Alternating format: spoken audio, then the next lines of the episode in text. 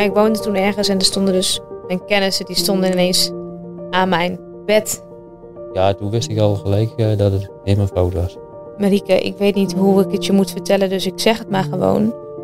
Janko is om het leven gekomen met een ongeluk. Ik weet niet hoe het werkt. Ik weet niet hoe, hoe je ermee om moet gaan. Ik vind het gewoon lastig. Ik kan hem af en toe zo missen. Gewoon af en toe zie zijn vrienden zie, die kinderen krijgen, die trouwen. En dan denk ik, ja, dat is dus voor hem niet meer. Ik weet dat hij het beter heeft als dat wij het hier hebben, maar we missen hem hier gewoon zo. Jaarlijks raken meer dan 200.000 werknemers gewond bij een bedrijfsongeval. Gemiddeld 60 keer per jaar valt er een dodelijk slachtoffer. Dat zijn 1 tot 2 doden per week. Soms lees je er iets over in de media, maar zelden hoor je wat er echt is gebeurd. Ik ben Reinier Vermeer van de Gelderlander. In deze podcast de familie Blauw uit Oldenbroek. Vader Kees, moeder Gerlien, zus Marieke en broer Bart verloren in 2016 hun kind en broer Janko. Hij was bezig met het monteren van een, eh, een staplicht boven de weg. En ze waren bezig met het afronden. En toen is er dus eh, een vrachtwagen is in hun draaicirkel gekomen. En die heeft een tik tegen het bakje van de hoogwerken waar ze in stonden te werken. Heeft hij een tik verkocht. En toen is hij gewoon, eh, ja, ze zijn er gewoon uitge... Ja, uitge... Ja, hoe zeg ik dat? met heel veel kracht uitgegooid. En eh, hij dacht dat het allemaal nog wel meeviel. Hij zegt, ik moet een ambulance hebben, want mijn arm doet zozeer. En eh, nou ja, dat was hem. misschien vijf, tien minuten later, toen was hij al overleden. Want het was dus niet alleen die arm. Hij had waarschijnlijk ook allerlei bloedingen en een beschadiging in zijn hoofd. Daar is hij hemzelf, denk ik, niet van bewust geweest dat hij aan het sterven was.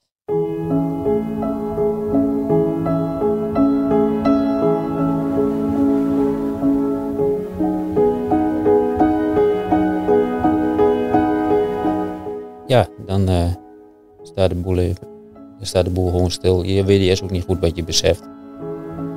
En eh, nou, dan op dat moment, eh, dan is het 12 uur en dan weet je dat het waar Marieke zich bevindt, dat het 6 uur vroeger is. Dus op een gegeven moment was het 12, ja, zo'n beetje 1 uur, dat we konden bellen, bellen naar eh Bonaire. Mijn kennissen, die stonden ineens aan mijn bed. Eh, het sloeg nergens op. Ik zag ze wel eens, maar niet in mijn slaapkamer. Ze konden me niet, niet op een normale manier bereiken. En eh, die kwamen met de mededeling. Ehm, Marieke, ik weet niet hoe ik het je moet vertellen, dus ik zeg het maar gewoon. Janko is om het leven gekomen met een ongeluk. Ja, ik, ik was eerst in shock. Ja, volgens mij. Ik, het is niet dat ik echt woorden uit kon brengen. Dat konden ze ook wel zien. En ik was eh, binnen 12 uur thuis, denk ik. Eh 24 uur thuis, ja. Het eerste wat ik aantrof was mama. Die mij op stond te wachten bij de deur. Met de waarschuwing van... Janko is hier. Je gaat schrikken, want hij is hier. Dus wees daarop voorbereid. En Janko lag eh, in de hoek van de, van de, ja, de schuur, noemen wij het. Van onze, onze bijwoning. En eh achter kamerschermen. En ik weet nog dat ik hem zag en dat ik alleen maar... Hij lag erbij alsof hij gevallen was op de fiets. Een paar schrammetjes aan zijn gezicht. Alsof hij zo weer wakker kon worden. toen zijn vrienden binnenkwamen, vond ik heel, heel zwaar. Het was de jongste van de club en hij was er gewoon tussenuit geplukt. Dat verdriet van die jongens, het, daar heb ik de eerste jaren heel erg druk op gemaakt. Dat ik mezelf een beetje vergat en dat ik keek, hoe zit Kees in zijn vel, hoe zit Marieke in haar vel, hoe gaat het met de jongens. Na een paar jaar kom je er wel achter, ja die gaat hem niet worden natuurlijk. En dan kom je jezelf ook wat tegen. Maar eh, ja, besef dat hij nooit meer komt. Ik weet niet hoe het werkt. Ik weet niet hoe, hoe je ermee om moet gaan. En ik vind het gewoon lastig. Ik kan hem af en toe zo missen. De meest onmogelijke dingen. Loop ik in de supermarkt en staat er een pilsje in de aanbieding. Dan denk ik, nou, die hebben we niet meer nodig, weet je. Of eh, ja, gewoon af en toe zie- zijn vrienden zie, die kinderen krijgen, die trouwen. En dan denk ik, ja, dat is dus voor hem niet meer. Ik weet dat hij het beter heeft als dat wij het hier hebben, maar we missen hem hier gewoon zo. En ik vertrouw erop dat ik hem ooit weer zie. Honderden mensen komen condoleren bij de familie thuis in het buitengebied van Oldenbroek. Nog eens honderden mensen wonen de begrafenis bij in de Lukter het Emergo-kerk. Janko wordt daarna begraven op de gemeentelijke begraafplaats. Zijn steen is niet van steen, maar van glimmend roestvrij staal. Met daarop een foto van zijn geliefde camperbusje en een tekst. Ondanks dat het geloof wel een rol speelt in het gezin, is het geen bijbelse tekst, vertelt moeder Gerlien. It's been a long day without you, my friend. And I tell you all about it when I see you again. Dat is dus een titelsong uit een film die zijn vrienden heel mooi vonden. Maar toen we dus bezig waren met die grafsteen, nou ja, wat moet erop? Toen vonden we dit dus heel erg passend. Want het zal nog heel lang duren voordat we kunnen vertellen wat we allemaal beleefd hebben. En eh, ja, we staan hier ook naast het graf van, van eh, een medebewoner van Oldebroek, ook een jonge man. En ik ging naar Marieke toe, die was gaan, eh, die was gaan emigreren naar Bonaire. En toen vlak voordat ik ging, toen hoorde ik dat die man overleden was. En ik dacht, god, dat vrouwtje, weet je, zo jong al bij iemand zijn graf staan, vond ik zo heftig. En een maand later sta ik dus mijn eigen zoon te begraven naast die man. Ik vond het wel, ja, dat vond ik wel zo wrang. In het begin kwam ik hier eh, eigenlijk elke week. En de eerste drie jaar, als de twaalfde van de maand was, dan was ik hier. Ja, denk niet dat mijn gezin dat weet, maar dan was ik wel even hier bij Janko. Even praten, even, even je hart leegmaken, even gewoon ook zitten. Als je hier het, het rijtje eh, graven opdraait, dan zie je allemaal van die traditionele stenen. En dan die ene van Janko, die springt er echt direct uit. Ja, dat was ook echt, het is ook echt wel iets, een beetje een ontwerp van mijn man. Die vond dat heel belangrijk. Ja, die had samen met Janko eh, die camper hadden ze samen eh, gekocht als een gewoon busje en hebben ze opgeknapt als camper. En dat was iets wat ze allebei heel mooi vonden. Het heeft ook bijna een jaar geduurd voordat het er stond. Een paar dagen voordat Janko, eh, voordat de sterfdag er was, toen stond het, eh, was die plaat daar. Dus het was wel mooi dat dat na een jaar, dat je dan ook, dan heb je ook echt een plekje om naar terug te gaan. En dit is Janko's plekje. En dat hadden, voor die tijd was dat toch wel anders, ja. Het is ook echt heel eigen. Het is heel eigen. Het is echt een, een plekje van ons. Het hoort bij ons. Het is, ja, het is een stukje in je leven wat misschien wat milder wordt. Maar je raakt het ook niet weer kwijt, hè? Het is iets, ja, het hoort bij je leven. Het is een deel van je.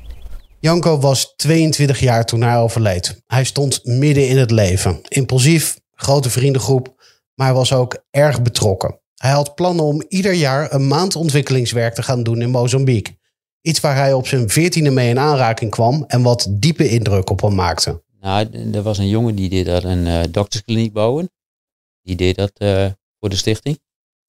En daar kon hij mee mee. En dat was ook met, eh, er waren ook wat leeftijdsgenootjes van Gerrit Jansen, van die jongen zelf.